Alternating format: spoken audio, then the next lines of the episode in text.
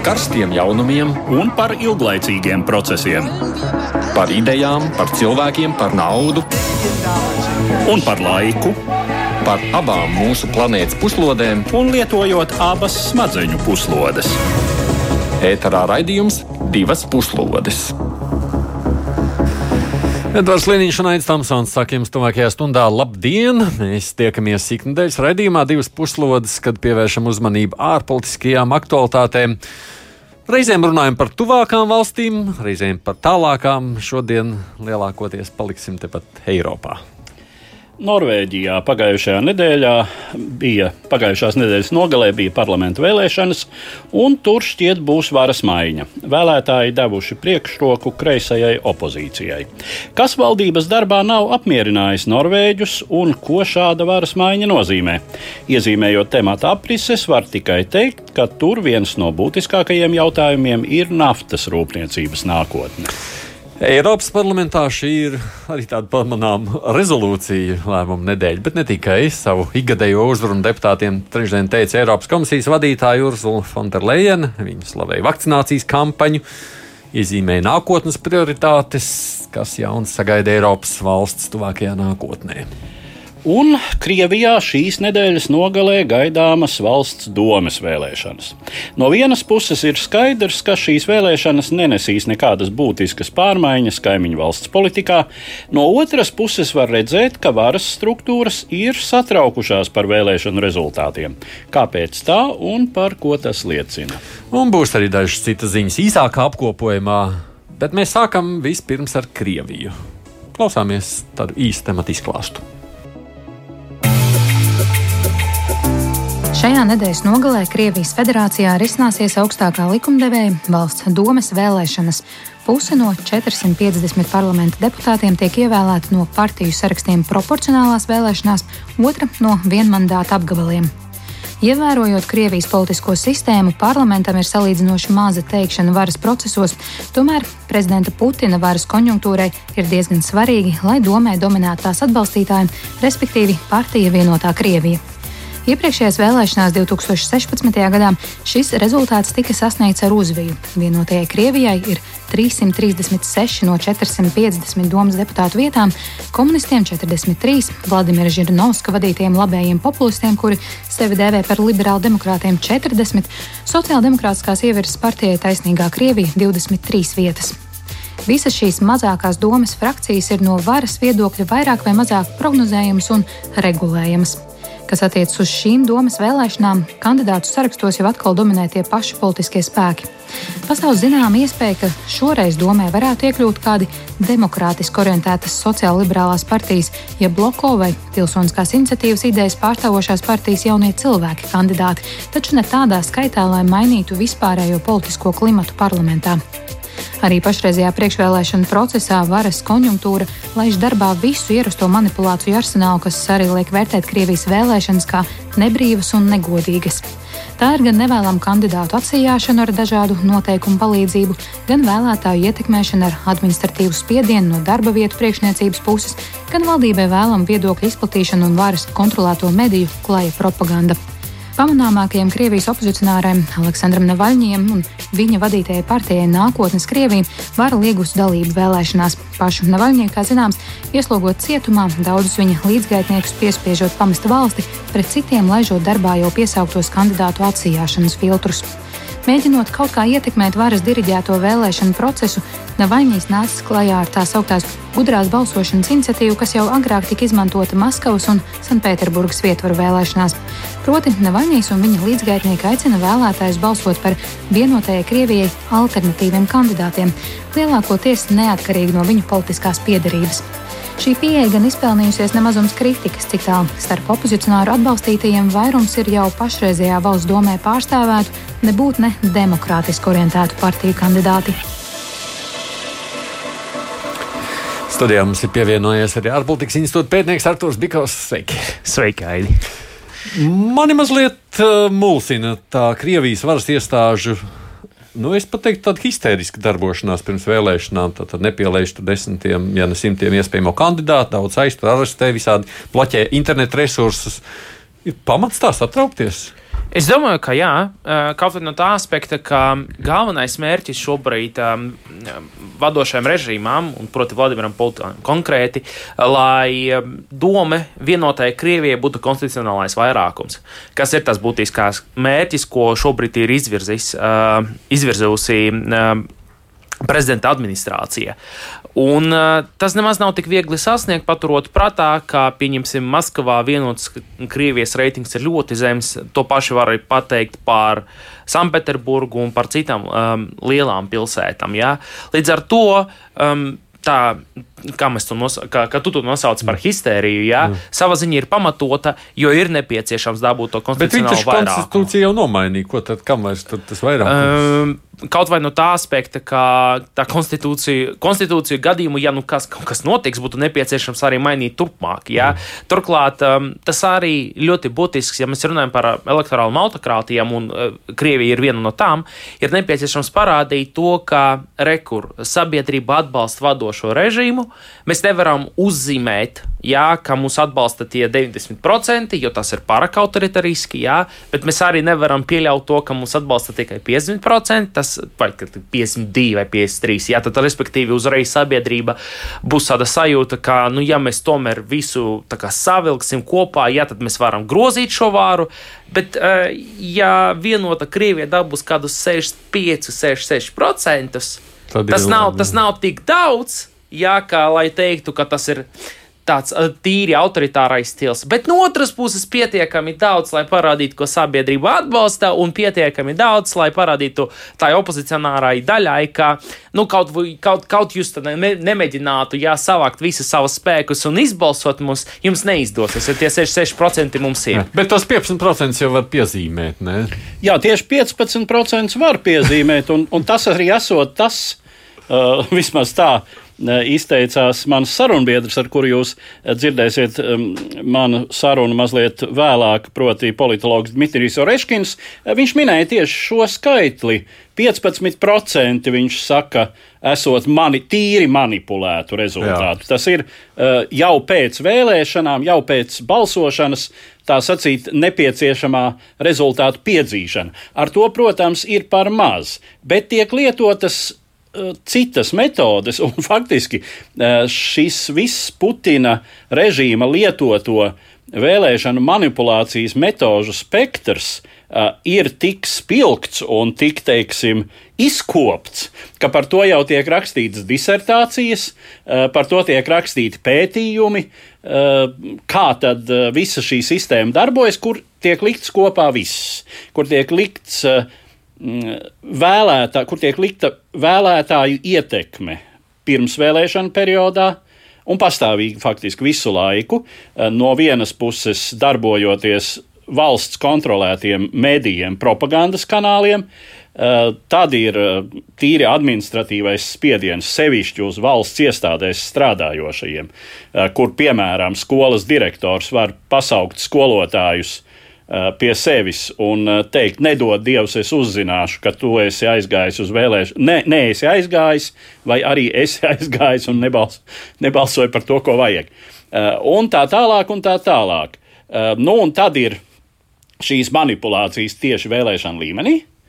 Uh, kur, starp citu, ir dažādi reģioni, kur tas dažādi notiek. Mhm. Piemēram. Maskavā to nemaz nesot tik viegli izdarīt. No, nu, paklausīsimies, varbūt to sarunu. Jā, var, uh, nu, nu. varbūt, es gan, es gan uh, tad lūgtu sākt tomēr ar manu sarunu ar Staņislavu Ratkeviču. Staņislavu Ratkeviču, jā, kurš ir politiskais analītiķis un arī pats darbojas un kurš ir skeptiskāks vai ne? Par... Salīdzinoši skeptiskāks par dažiem vēlēšana aspektiem. No, jā, tad, tad klausīsimies šo sarunu. Могут ли эти выборы Vai šīs valsts domas vēlēšanas zināmos apstākļos var kaut kā mainīt Krievijas iekšpolitisko situāciju? Vai arī šeit viss, kā ierasts, ir priekšā nodiktēts un uzrakstīts? Ну, кардинальным образом, безусловно, Radikāli tās, protams, situāciju mainīt nevar divu iemeslu dēļ. Pirmkārt, tāpēc, ka doma mums ir vājiņa un viss tiek nolemts Kremlī. Otrakārt, tāpēc, ka domē visticamāk nemainīsies politisko spēku samērs. Tur joprojām dominēs vienotā Krievija un būs vairākas dekoratīvās partijas, kuras patiesībā ir tās pašas vienotās Krievijas spārni - labējais un kreisais var parādīties tikai viena jauna politiskā partija ar nosaukumu Jaunie cilvēki. Ja tā, protams, iegūs vairāk nekā 5%, bet diez vai tāda maza frakcija no kādiem 10, 12, varbūt 15 cilvēkiem varēs, vai precīzāk sakot, gribēs kaut kā ietekmēt politisko situāciju Krievijā.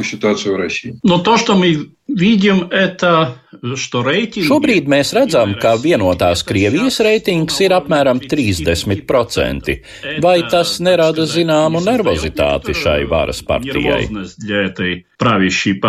Традиционно Единая Россия Tradicionāli vienotā Krievija, neskatoties uz to, ka pēdējo 10 līdz 15 gadu laikā tās reitingi vispār nacionālā mērogā ir nokritušies apmēram pusotru reizi, pilnībā atgūst šo zaudējumu vien mandātu apgabalos. Vien mandātu apgabalu kandidāti ir šīs partijas stiprā puse. Kā jūs vērtējat ideju par tā saukto gudro balsojumu, kura būtība, cik es saprotu, ir balsot par jebkuru, tikai ne par vienotās Krievijas kandidātu.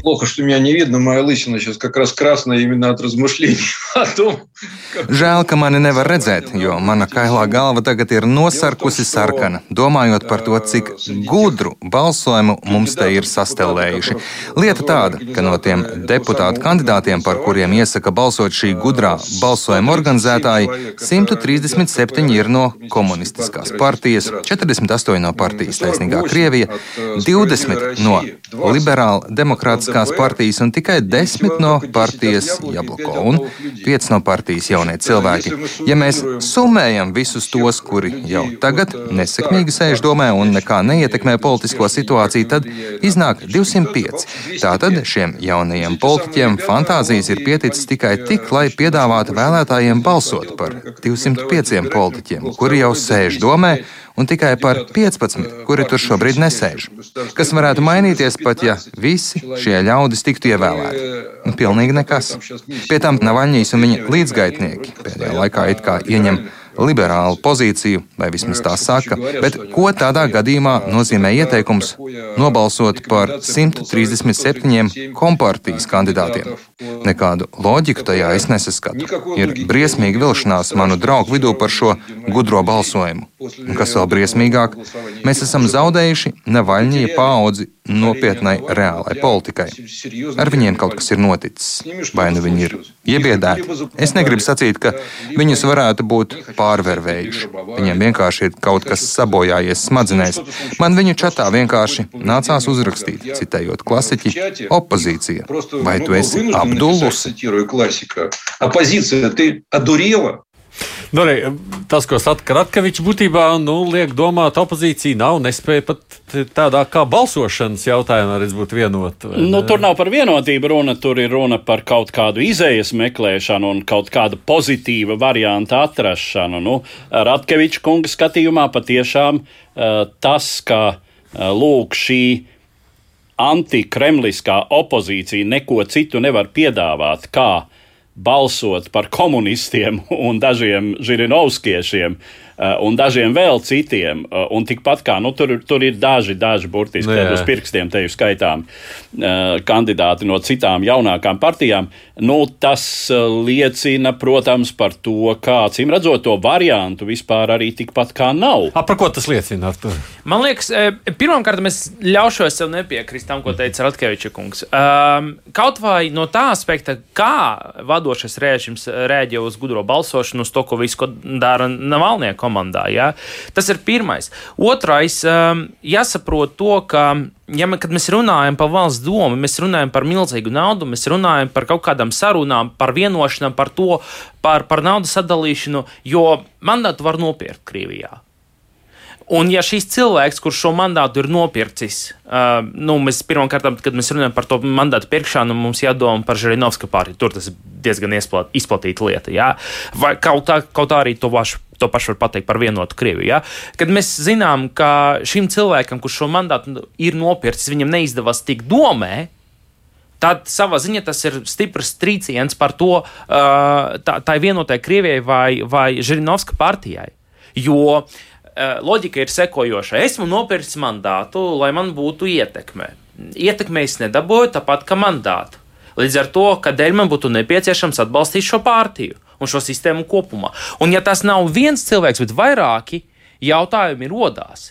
Nemaz nerunājot par to, ka mēs nezinām, kā uh, rīkosies uh, teiksim, tā pati komunisti, kad viņiem būs vairāk ietekmes. Varbūt viņiem būs uh, lielāks drosmes.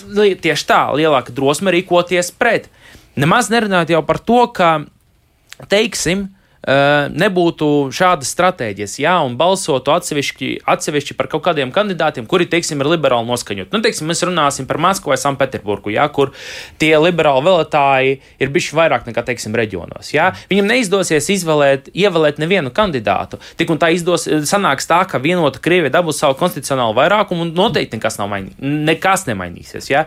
Bet, teiksim, ja, ja valsts doma tiks Sergejs Mitrohins no Maskavas, kas ir jāblaka pārstāvis, jā, un kuru gudra balsojums atbalsta, vai, teiksim, Anastasija Bruhanova, arī no Maskavas tiks doma, tad pirmo reizi kopš 2016. gada doma paradīzes neatkarīgie kandidāti. Mm. Un tas jau pat par sevi kaut viens cilvēks varētu nedaudz mainīt Mai, to, kā strādā valsts doma. Ja?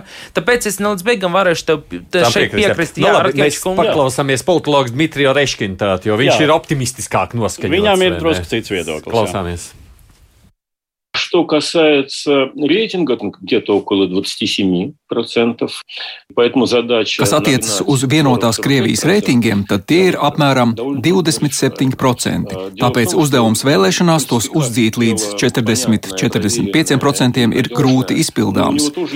Falsifikācija gan ir saprotama, pārbaudīta un droša lieta, taču arī tā ir savs resursu limits. Jūs nevarat sasniegt 50% atbalstu vienotajai Krievijai Maskavā, jo tur tā vienkārši nav, un Maskavā vēlēšanu rezultātus vienkārši uzzīmēt, atšķirībā no Čečenijas vai Tīvas autonomijas, ir daudz grūtāk. Maskava tomēr ir liela Eiropas pilsēta, tur ir citādi cilvēki, citādas politiskās tradīcijas, citādi vēlēšanu komisiju locekļi un arī drusku citāda vara. Jāsaprot, ka Krievija jau iekšēji ir ļoti neviendabīga. Vienotajai Krievijai un attiecīgi tās šefam Kremlī ir ne tikai iemesls nervozēt, bet arī nepārprotams pazīmes, ka tur tiešām arī nervozē. Tas, ko viņa dara ar Navaļņiju, ko viņa dara ar gudro balsojumu, ko viņa dara ar neatkarīgajām struktūrām, kuras organizē vēlēšanu novērošanu, kā viņa nepielaiž vēlēšanām potenciāli bīstamos kandidātus, tas viss liecina par diskomfortu. Un nav jau runa par to, ka vienotā Krievija varētu nesavākt vairākumu domē. Tā savāks. Kaut vai tāpēc, ka puse domas sastāva tiek ievēlēta no viena mandātu apgabaliem. Bet ir redzams, ka reitings slīd lejup. Un pat par spīti tam, ka Vladimirs Putins mēģināja piešķirt šai partijai daļu no sava reitinga. Viņš uzstājās ar atbalstošu runu partijas kongresā, viņš daudzreiz ir runājis par to, kā vienotā Krievija cīnās par iedzīvotāju dzīves uzlabošanu, cerot, ka vienotā Krievija atmirdzēs viņa popularitātes atspīdumā bet tas tomēr neizdodas, kas nozīmē, ka arī paša Putina reitings ir apšaubāms.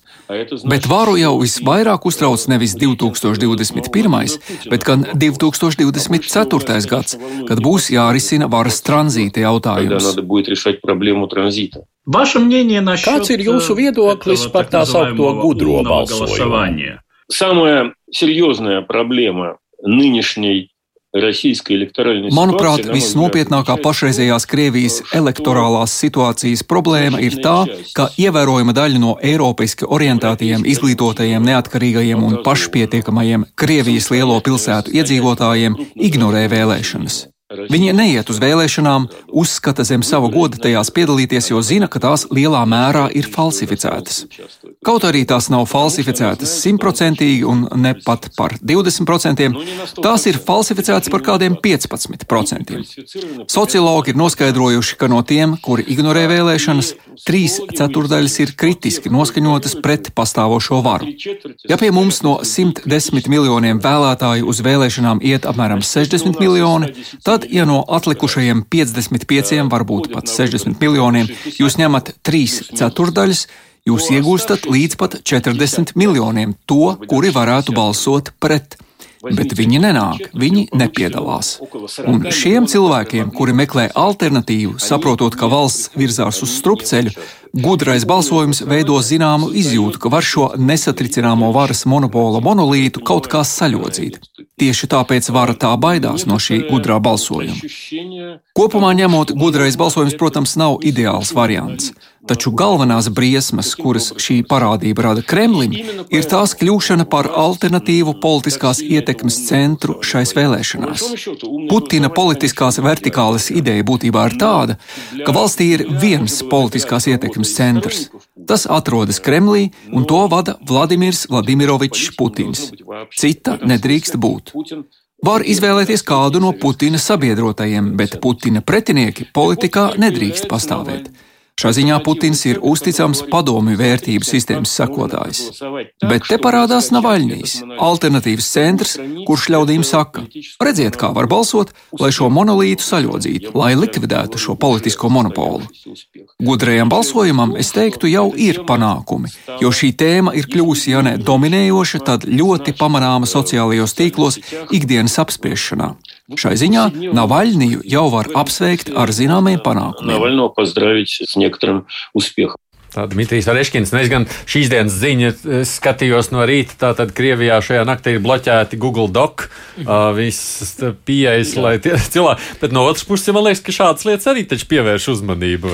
Par to nu, arī runa, jā, un vēlreiz tas ir kārtējs pierādījums tam, ka, ka gudrus, gudrais balsojums rāda histēriju un bailes. Nu, ja tu ej tik tālu, tad lai bloķētu Google Doc un lai savā ziņā sakropļotu internetu, mhm. savā valstī. Nu, uz ko tas norāda? Tas norāda uz to, ka bailes no gudra balsojuma ir, un manuprāt, tas bailes ir absolūti pamatotas. Jo tā sistēma un tā loģika, man ļoti patika, ko teica Reškina kungs par balsošanu par to, ka cilvēki nepiedalās. Tas ir tik ļoti būtiski piedalīties vēl, tas attiecas ne tikai uz Krieviju, citu starpā, tas arī attiecas uz Latviju. Manuprāt, ja tev jautā, uh, vienalga kāds jautājums. Neraugoties uz kādas vēlēšanas, ja runa ir par to, kādu krāsu izvēlēties, krāsot savu māju, tev jāpiedalās šādās vēlēšanās. Jā, un tie argumenti reizēm, ka mēs nepiedalāmies, tāpēc mums nepatīk, ko iepriekšējie dara, tāpēc mēs nenākam. tas arī ir muļķīgi. Un, un Krievijā tas paradoks tas ir, ka, ka tiešām nepiedalās tie domājošākie. Eh, domājošākie arī lielā mērā, teiksim, ekonomiski. Mm -hmm patstāvīgākie, varošākie sabiedrības pārstāvji, jo nu, viņiem kamēr viņiem ļauj dzīvot daudz maz, kamēr viņi var nu, teiksim, nodarboties ar savu uzņēmēju darbību vai pelnīt savos uzņēmumos, ja viņi ir labi apmaksāti profesionāļi. Eh, nu, jā, viņi ignorē šo politiku, jo patiešām cerību, ka ieguldot tur spēku, enerģiju, iespējams, ka eh, nu, arī ar kaut ko riskējot reizēm. Ja? Nu, piemēram, nesaņemt kādu nozīmīgu valsts pasūtījumu, tad, ja izrādās, ka šī uzņēmuma darbinieki, piemēram, Aizgājuši, ir, ir ne tā balsojuši. Nu, jā, vienīgais, nu, ko mēs redzēsim, jūsuprāt, mums jābeidz šo tēmu. Atnāks, neatnāks, daudz atnāks, ko nobalsos, ko gaidām? Mm, es domāju, ka Es sagaidu, labi, varbūt esmu pārāk optimisks šeit. Es sagaidu vismaz kādus divus, trīs neatkarīgus kandidātus valsts domē. Un es domāju, ka tas jau būs eh, ļoti interesanti paskatīties. Vai būs daudz cilvēku, mm, diez vai, mm -hmm. man tā neliekas, vai vienot Krievijai dabūs konstitucionālo vairākumu. Es domāju, ka tā būs. Kādi 90 5%. Es domāju, ka dabūs uh, 90%, 95%. Tā ir tā mana līnija, ka viņi dabūs. Jā, ne jau, vi, ne jau viņi dabūs 95% valsts doma. Jā, jā, jā, jā. Tā kā tas konstitucionālais vairākums, es domāju, ka viņi dabūs. Es, te, es domāju, ka tā, tas ir tas galvenās lietas. Jā, būs neatkarīgie kandidāti, kaut viens, divi, trīs, jā, un konstitucionālais vairākums vienotāji Krievijai. Daudz vēlētāju nebūs. Mēs ar tevi, ko mēs tur saredzēsim nākamajā nedēļā, pārunāsim nākošais ceturtdienas. Bet uh, citā salīdzinoši netālā Eiropas valstī vēlēšanas jau ir notikušas. Tur laikam neviens neiedomājas, ka vajadzētu kaut ko aizliegt vai viltot. Jā, un arī nav sevišķi daudz to, kur neiet uz vēlēšanām, tāpēc, tāpēc ka vai, uh, viss būs nepareizi. ne tā, kā mēs gribam. Klausāmies vispirms ierakstu par Norvēģiju. 13. septembrī notikušajās vēlēšanās, kurās tika sadalītas 169 Norvēģijas parlamenta jeb Stortinga deputātu vietas, zaudējumu cietis līdz šim pie varas bijušais labēji centrisko partiju bloks. Līdzšinējās premjeras Ernes Solbergas konservatīvā partija zaudējusi 9 no agrākajām 45 vietām, labējā progresa partija, kura bija valdībā līdz pagājušā gada janvārim, zaudējusi 6 no 27 vietām. Sevišķi plāni klājies kristīgajiem demokrātiem, kuriem palikuši tikai trīs no astoņām vietām, un tikai liberāļi ir saglabājuši savas pozīcijas ar stabilām astoņām vietām Stortingā. Viena vieta gājusi zudumā arī lielākajam opozīcijas spēkam, darba partijai, kurai gan joprojām būs lielākā parlamenta frakcija ar 48 vietām. Savukārt pārējo līdzinējo kreiso un centrisko opozicionāru panākumi rada visai drošu pamatu kreisi centriskas valdības veidošanai. Visnozīmīgāk iegūs ir laucinieku intereses pārstāvošā centra partija, kuras frakcija pieaugusi no 21 līdz 28 vietām. Sarkanā partija, respektīvi komunisti, kuriem līdz šim bija tikai viens mandāts, tagad tikuši pie veseliem astoņiem. Savukārt Kreiso sociālistu partija līdz šiem 11 mandātiem pievienojusi vēl divus. Visticamāk, potenciālais premjeras darba partijas līderis Jonas Gārs Stēre mēģinās veidot koalīciju ar centristiem un kreisiem sociālistiem, atstājot ārpus kombinācijas radikālos sarkanos. Šādai koalīcijai ar 89 balsīm būtu neliels vairākums parlamentā.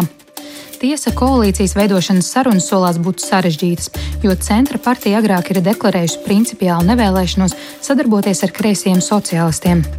Strīdu sābols ir Norvēģijas naftas un gāzes iegūs industrijas pamatīgo ienākumu sadale.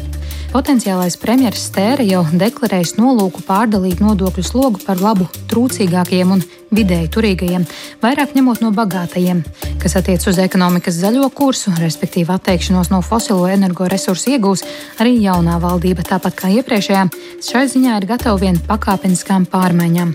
Naftas un gāzes iegūve veido 14% no Norvēģijas iekšzemes koprodukta un 40% no eksporta vērtības divas puslodes. Runāt par valdības par aizdomājos, ko Norvēģijai maksās šīs Eiropas pāriešanas zaļo kursu, jo nafta taču ir Norvēģijas visas ekonomikas pamatā. Tā. Nu, negluži pamatā mēs redzam, no 14%. Teiksim tā, nu tas sviests uz maizes.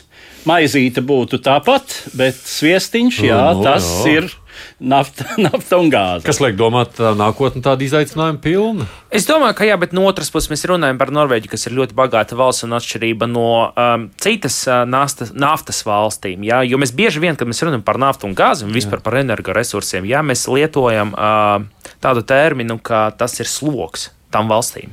Tādā ziņā, ka tas ir uh, nopietna problēma. Un Norvēģija gandrīz ir vienīga valsts, kurai izdevās ne tikai eh, izvairīties no šīs loga. -huh. mazināt šo problēmu, bet uh, gluži pretēji iegūt pēc iespējas vairāk. Uh, kādā ziņā, jo viņi vienkārši iegulda šo naudu. Un, uh, tas ir. Ne tā kā Krievija iepriekšējā. Tieši tā par to arī runa. Jā, jā, jā. Tas, tas, tas ir tas, uz ko es temēju. Jā, kā mums ir Krievija blakus, kas naftu, naftas naudu izmanto ļoti negudri, teiksim tā. Un mums ir blakus Norvēģija, kas ļoti gudri izmanto šo naudu. Un es domāju, ka paturot prātā to, ka šī ir ļoti turīga valsts ar pareizu menedžēšanu, tādu vārdu es izmantošu. Jā.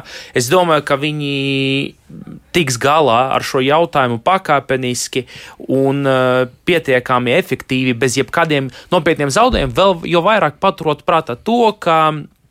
Uh, Kā, kā teica Edvards, nevaru tam nepiekrist, jā, ka nu, maize tomēr būs. Jā. Tas ir tie 4, 14% ir no vienas puses daudz, bet uh, kad um, tā industrija mainīs, tas arī radīs jaunas darba vietas. Mm. Jā. Nebūs tik traki, ka viņi pēkšņi visu zaudēs. Jā. Tie 4% nekritīs vienu dienu laikā. Tos, tos viestu pārliks uz citu ražotāju paciņas un būs viens viests arī tur, vai ne? Nu, tieši tā, tieši tā. Norvēģijas. Patiešām varu tikai piekrist kolēģim. Lielais iegūms ir tas, ka šī valsts ir pratusi Uh, kontrolēt visu laiku un turēt. Nu, jā, nu, tas ir, tā, ir tāda zināmā mērā valstiskošanas pieeja turēt šo industriju savā administratīvā valdības kontrolē, izmantot ienākumus ļoti noteikti sabiedrības labklājības un vispārējās situācijas uzlabošanai. Bet cik tā naftas rūpniecības tēma bija svarīga šajās vēlēšanās? Ne, nu, tā ir bijusi ļoti svarīga un tā būs svarīga veidojot. Respektīvi, ir tā, ka uh, Uh, atšķirības starp labējiem un kreisajiem jautājumā par to, vai mainīt un cik ātri mainīt, teiksim, veikt šo uh, konverģenci, tātad nu, atteikties no, no naftas un iet uz zaļāku. iet uz zaļāku kursu. Ja? Tur nav īpašas atšķirības, atšķirības starp vieniem un otriem, kā vieni tā otri saka, pakāpeniski. Mēs nepieļausim zaļo diktātu, uh, Acīm redzami, sabiedrība tam piekrīt. Zaļajai partijai ir viens mandāts Stortingā, un šķiet, ka arī iepriekšējā sasaukumā nebija daudz vairāk.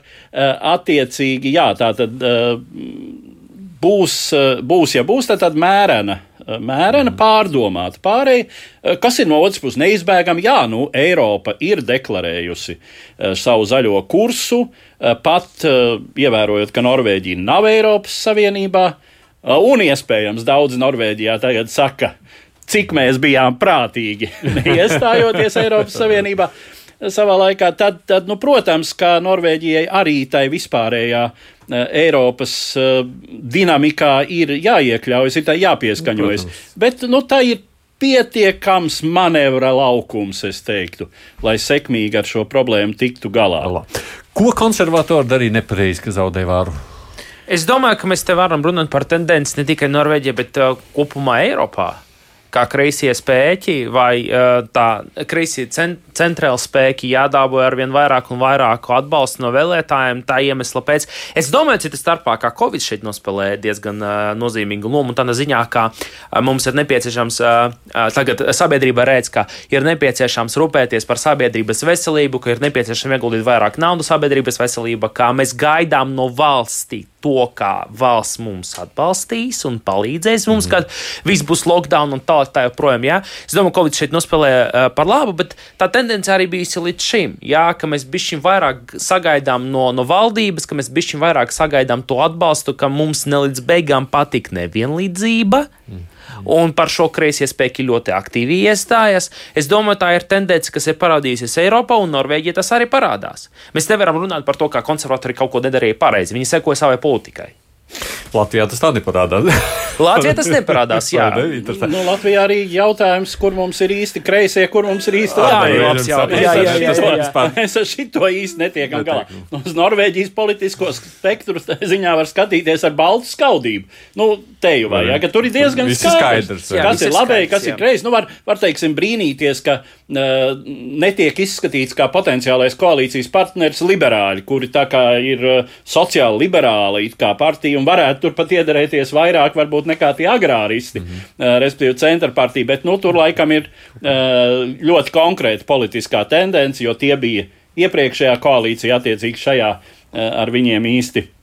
Neviens negrib runāt, bet šķiet, ka Norvēģija ir pēdējā valsts Ziemeļā Eiropā, Eh, kurā nebija sociāldemokrāta pievērsta kreisa valdība. Jā, jā, jā bija labējie. Tagad, jā, tagad tā. visās ziemeļvalstīs mums ir eh, labējas, eh, ir Kreis. kreisas valdības.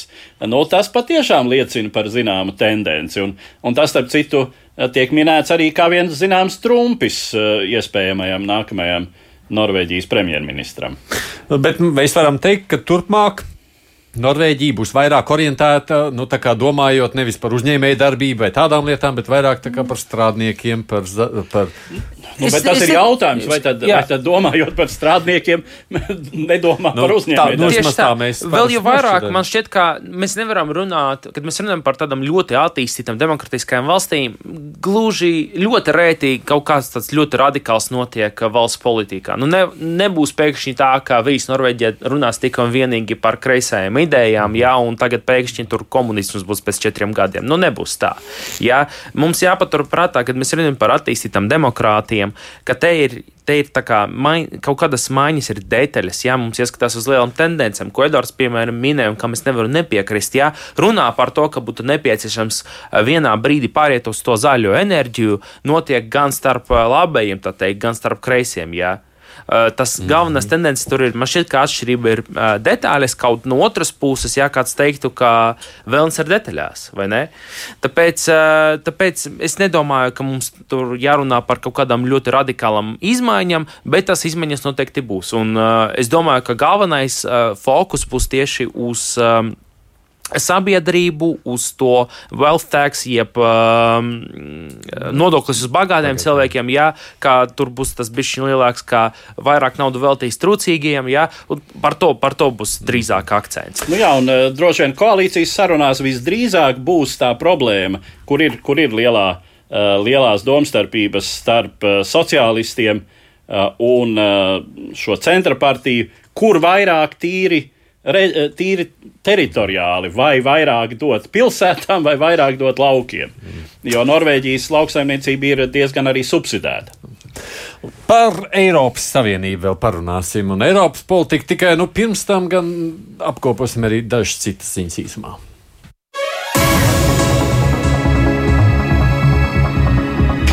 Runājot par vēlēšanām, vislielākā uzmanība daudz vietā ir pievērsta gaidāmajām vēlēšanām Vācijā, kur 26. septembrī notiks parlamenta apakšpalāts Bundestāga izraudzīšana. Tomēr rezultātus vēl prognozēt esot pāragri. Aptaujas rāda, ka daudz no vēlētājiem nav izlēmuši, par ko viņi balsos. Pēc laikraksta Frankfurter Allgemeine Zeitung pasūtījuma veiktajā aptaujā noskaidrots, ka tikai 60% septembra sākumā zināja, kuru partiju vai politiķu viņi atbalstīs. Pirms četriem gadiem to zināja 65%, 2013. gadā 76%. 63% kā svarīgāko iemeslu savai neizlēmībai min faktu, ka viņi neuzskata nevienu no galvenajiem kandidātiem par pārliecinošu.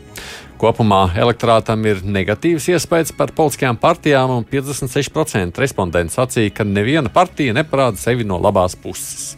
Tajā pašā laikā 87% sacīja, ka viņi plāno balsot un 72% atbildēja, ka viņi noteikti balsos. Tikmēr visā Eiropā ir liela cieņa pret pašreizējo Vācijas kancleri Angelu Merkeli, un Eiropieši uzskata, ka pasaulē būtu vairāk konfliktu, ja viņa neatrastos šajā amatā. Tas ir konstatēts 12 Eiropas Savienības valstīs veiktā aptaujā. Interesanti ir tas, ka vairāk nekā trešā daļa ir par to, lai vispār Vācijai būtu lielāka teikšana Eiropas Savienībā. 36% norādījuši, ka uzticas Vācijas ekonomikas, finanšu politikas jautājumos, 35% ka uzticas Vācijai cilvēktiesību jautājumos. Paši vācieši tikmēr, kā šķiet, ir rezervētāki. 52% vācieši uzskata, ka viņu valsts zelta laikmets ir jau pagātnē. Aptaujas organizētāji norāda, ka nākamajai Vācijas valdībai būs smagi jāstrādā, lai saglabātu uzticību, ko Vācija ir nopelnījusi Merkeles laikmetā. Tikmēr pati Merkele tiek uzskatīta par spēcīgu kandidātu nākotnē kaut kad uz Eiropas Savienības prezidentūru.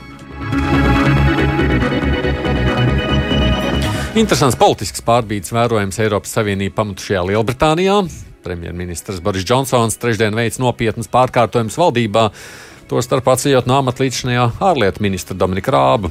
Rāps kritizēts par brīvdienām Krētā, kamēr Kabula krita talibu rokās.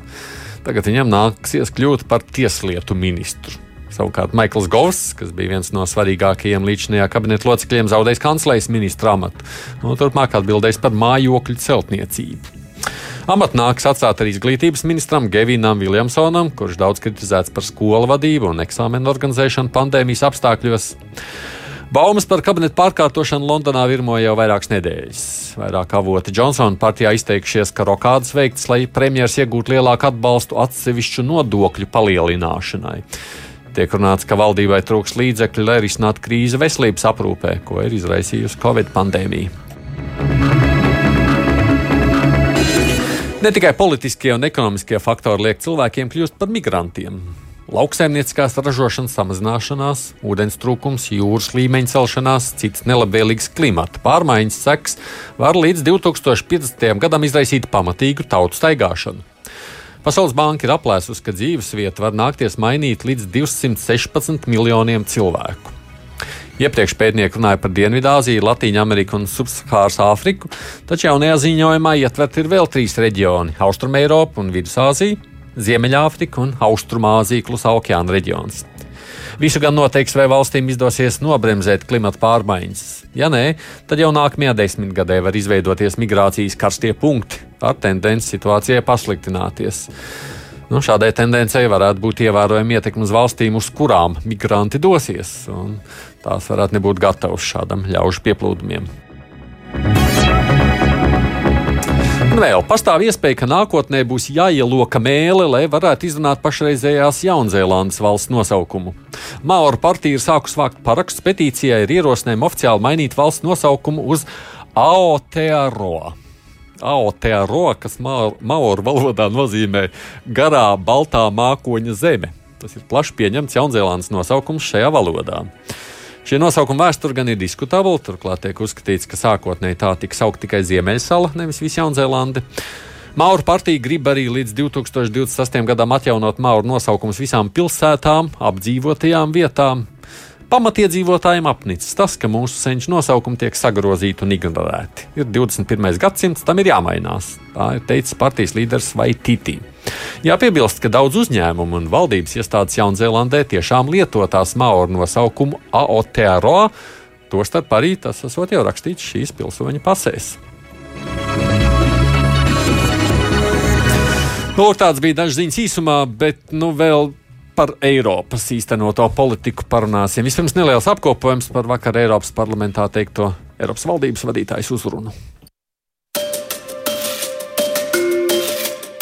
Vakar Eiropas parlamentā ar ikgadēju uzrunu par stāvokli savienībā uzstājās Eiropas komisijas prezidenta Urzula Fonderleina.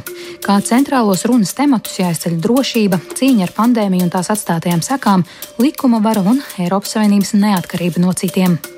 Uzrunā Lējens slavēja Eiropas Savienības vakcinācijas kampaņu, kas līdz šim dalību valstīm piegādājusi vairāk nekā 700 miljonus dozu un aptuveni tikpat eksportētas ārpus bloka. Lai arī Eiropas komisija pavasarī daudz tika kritizēta par lēnajām vakcīnu piegādēm, šobrīd Eiropas Savienības vakcinācijas kampaņa tiek vērtēta kā viena no veiksmīgākajām pasaulē. Ja pagājušajā gadā Lēna sacīja, ka ir laiks izveidot Eiropas veselības savienību, tad šogad viņa runāja par jaunu aģentūru, kas dažādās sabiedrības veselības krīzēs varētu ātri mobilizēt nepieciešamos resursus. Drošības jautājumos Urzula Fonderleina deva zināmus mājienus par nepieciešamību stiprināt Eiropas stratēģisko autonomiju un paziņoja, ka nākamgad kopā ar Francijas prezidentu Emmanuelu Makronu rīkos Eiropas aizsardzības samitu. Runā tika pieminēta arī situācija uz Eiropas Savienības ārējās robežas ar Baltkrieviju, nosaucot to par hibrīdu karu ar mērķi destabilizēt Eiropu un izsakot atbalstu Latvijai, Lietuvai un Polijai. Eiropas komisijas prezidents arī vairāk kārt pievērsās bloka attiecībām ar Ķīnu, norādot uz nepieciešamību mazināt Eiropas Savienības atkarību no Ķīnā ražotām izēvielām un veidot partnerattiecības ar citiem pasaules reģioniem. Tāpat viņa vēlas izveidot jaunu ārvalstu infrastruktūras investīciju mehānismu Global Gateway, kas šķietami vēlas konkurēt ar Ķīnas prezidenta Xi-Jinping izloloto jostas un ceļa investīciju projektu. Lēgana paziņoja par jaunu Eiropas mikroshēmu aktu, kas apvienos Eiropas Savienības pasaules līmeņa pētniecības, dizaina un testēšanas jaudu, kā arī koordinēs Eiropas Savienības un dalību valstu investīcijas. Eiropas komisijas prezidents runa vērtēta dažādi.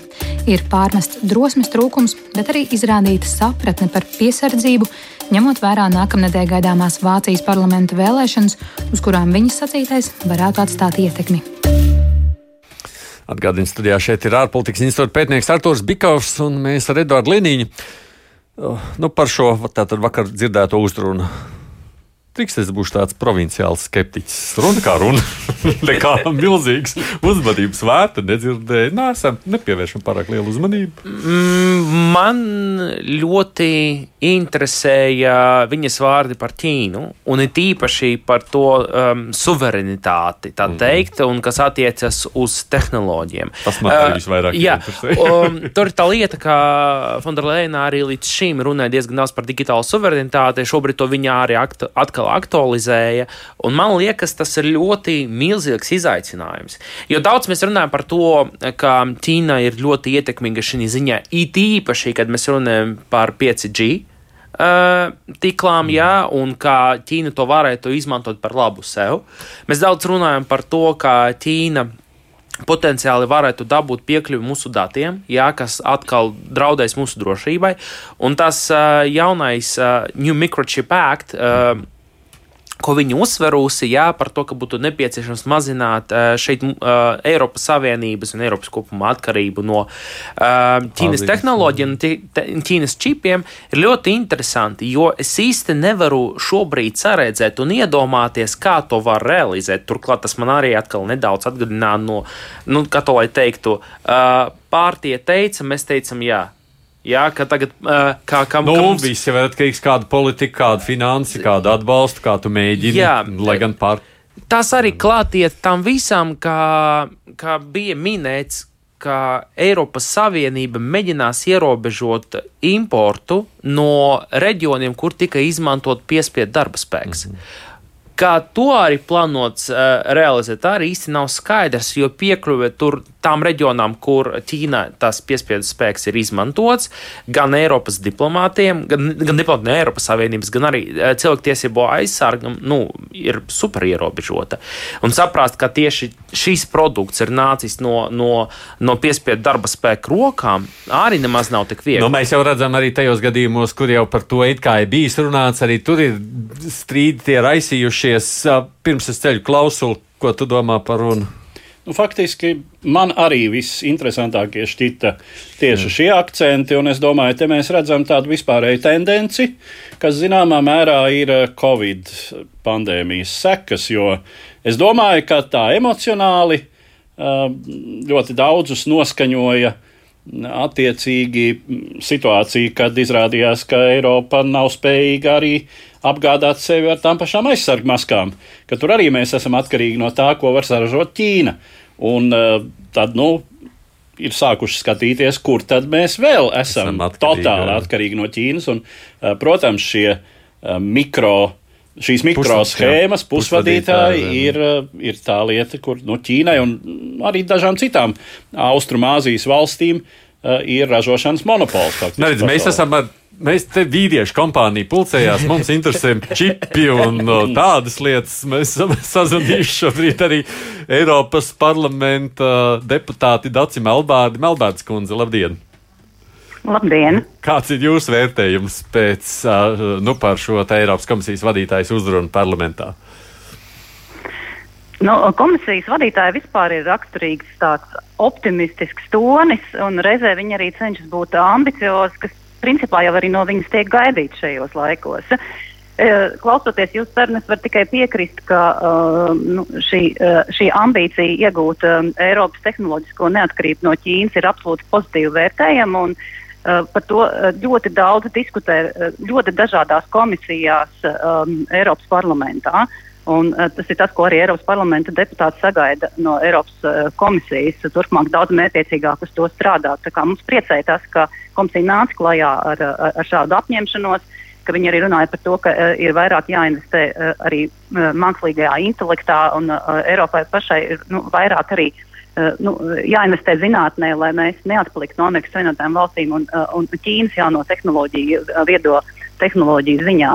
Bet es teiktu, ka bija daudz arī tādas lietas, kuras vēl mēs gaidījām. Nu, es no savas skatu punkta ļoti gaidīju Fonderlejenas um, kaut kādus vēstījumus attiecībā uz Eiropas mēdījiem, kuriem neklājas nemaz tik viegli. Un, un, un patiesi sagaidīju, uh, varētu teikt, ka ir nākamais solis spērts ceļā uz Eiropas mēdīju politiku.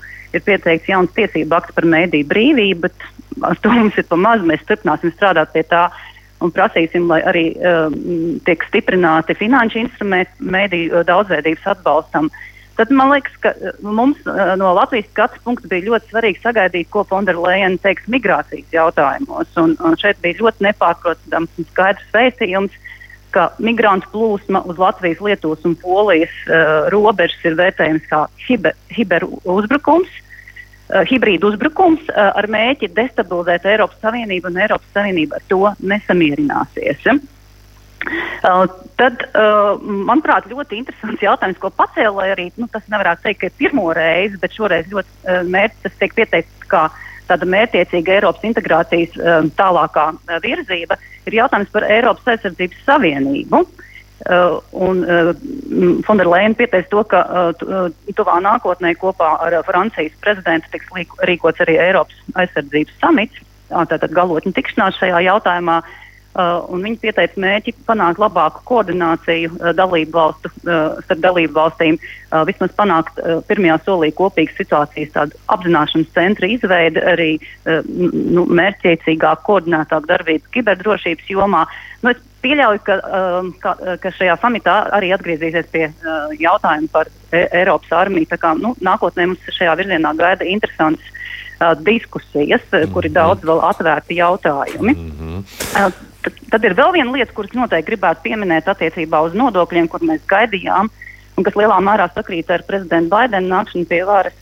Uh, tas ir uh, nu, uh, arī Eiropas Savienība no savas puses ir gatava panākt vēsturisko globālo vienošanos par uzņēmumu nodokļu minimālajām likmēm, lai tādas pārnacionālas kompānijas kā Amazon, Google, Facebook arī sāktu maksāt taisnīgus nodokļus. Nu, tie būtu tādi akcenti no manas puses, un Jā. droši vien, ka nu, kā putkrējiem varētu uzlikt to, ka 2022. gads ir izsludināts par jā, Eiropas jauniešu gadu, kas, manuprāt, ir ļoti labi, ņemot vērā to, ka šobrīd viena no aktualitātēm ir Eiropas nākotnes konference. Un, nu, līdz ar to es domāju, ka pamatoti šī mērķa auditorija ielikt tādā fokusā. Es ceru, ka tas nebūs formāli. Labi. Paldies Dacei Melbārdei, Eiropas parlamenta deputātei, bet uh, vēl viens Eiropas parlamenta deputāts Ivars Jāps mūs dzird. Labdien, Jāpkungs! Sveicināti! Te mums Melbārdas kundze uzskaitīja, ko viņi visu sagaidīja no Eiropas komisijas vadītājas uzrunas. Varbūt kaut ko jūs nesagaidījāt? Es domāju, ka es nesagaidīju to, ka tas tonis kādā viņi runāja, varētu būt bišķiņi piezemētāks un realistiskāks. Jo tas sākums par to, cik ļoti veiksmīgi mēs esam bijuši cīņā pret Covid, pēdējā pusotra gada laikā, kas izskanēja nu, tādā nu, ļoti, ļoti uzvarošā tonī. Tas man likās mazliet pārspīlēts, tā piesardzīgi. Nu, tāpēc, ka vēl pirms gada tur bija nikna kritika, ka viņa netiek galā, varbūt taču kaut kā. E, nu, jā, jā, jā nē, nu, tur droši vien ir dažādi iemesli. Un, principā, jau, protams, ka Fonderlajens galvenā tēma šobrīd ir, lai tos klimata likumus, kas tikko ir atnesti uz parlamentu, eh, parlaments tiešām pieņemtu. Bet, tās lietas, kas tika jau uzskaitītas, es domāju, ka tur nav jēga atkārtoties. Protams, ka interesantas iniciatīvas izskanēja arī tajā, ko mēs saucam par tādu Eiropas tehnoloģisko neatkarību. Kas ir varbūt vairāk tāda mana darba joma. Tur izskanēja tāda lieta kā Eiropas uh, mikroshēmu vai Eiropas mm -hmm. pusvadītāju alianses veidošana, jo tas jau nevienam nav noslēpums, ka patiesībā Eiropa ar visu savu tehnoloģisko varēšana ir diezgan atkarīga no Ķīnā ražotām detaļām. Un tad ir jautājums, nu, ja mēs gatavojamies uz dažādiem nu, ģeopolitiskiem riskiem, tad kādā veidā tā Eiropa varētu panākt to, ka visas tās labās lietas tomēr tiek ražotas pašu mājās, un tas, es atvainojos, attiecās arī uz Latviju. Mums ir noteikti jādomā par to, kur mēs sevi tajā ķēdē redzam. Uh, tad ir, protams, tas, kas jau par tiem jauniešiem, te, kas tiešām ir liela lieta, tur izskanēja kaut kas tāds, ka varētu būt kaut kas tāds, ko viņi sauc par ALMA, kas ir eh, acīm redzot jauna programma, tāds Erasmus, bet nevis Erasmus izglītībā, bet Erasmus nodarbinātībā. Proti, ka jaunieši vienā valstī varēs doties praksē. Piestrādāt kādā citā. Jautājums, kādu iespēju tas varētu atstāt uz darbspēku migrāciju, kas, protams, mums arī nav sveša lieta. Tas ir jau tālāks jautājums, bet tas ir interesanti. Arī tas, kas jau tika teikts par uh, to um, visu migrācijas krīzi, kur uh, Fonderlaina ir ar mums uz vienas lapas. Tas ir labi, ka viņi saprot, kas notiek, un, un, un, un tādā ziņā ir mūsu pusē. Uh, tad arī viss tas, kas attiecas uz uh, nu, uh, izaicinājumiem, kas saistās ar, ar, ar Afganistānas aiziešanu un visu to armijas lietu. Nu, līdz Eiropas armijai mēs, protams, nenodzīvosimies. Uh, Bet, es saprotu, tad viņi plāno kaut kādu eh, pārslēgt un, nu, kā saka, restartēt attiecības starp Eiropas Savienību un NATO. Uh, kur viņi teica, ka viņi tiksies kaut kad ar Stoltenbergu vēl šogad, un tur būs kaut kāds pasākums, lai beig beigās nu, saprastu, kā šīs abas organizācijas, kuras Latvijai ir tik svarīgas, kā viņas savā starpā turpmāk sadzīvos un sadarbosies. Un, uh, tur es domāju, ka mums ir vienkārši ļoti rūpīgi jāsako līdzi tam, kas notiek. Bet kopumā tā bija viena normāla runa, nu, kur uh, nu, gluži vienkārši iezīmē kaut kādu Eiropas Savienības virzību. Mm. Nu, labi, paldies. Saka Eiropas parlamenta deputātam Ivaram Ijabam, skatoties uz šo. Nu, tā tad mums, kā vīriem, interesanti doma ir par datortehnoloģijām, sacentīsimies ar Āziju. Jebkurā gadījumā jau te tiešām būtu vairākas lietas, par kurām varētu atsevišķi sarunāties, bet nu, tas ir viens atsevišķs arī diskusijas tēma. Es jums vairs vārdu nedodu, cienījamie studijas viesi. paldies jums, ka jūs atnācāt un paldies, paspējāt paldies, iezīmēt paldies. tikai kādus vārdus ārpolitikas institūta pētnieks Artos Bikaus šeit studijā, un arī paldies Edvardam Liniņam, raidījuma viens no. Tātad diviem līdzautoriem es pieminos kā otru Saidus Tomsons studijā, kurš bija no nu, mūsu producenti Ieva Zeiza. Raidījums šodien izskan, tiekamies ētrā pēc nedēļas. Nu, kā redzam, dažus temats jau iezīmējam, par ko nākamais runāt.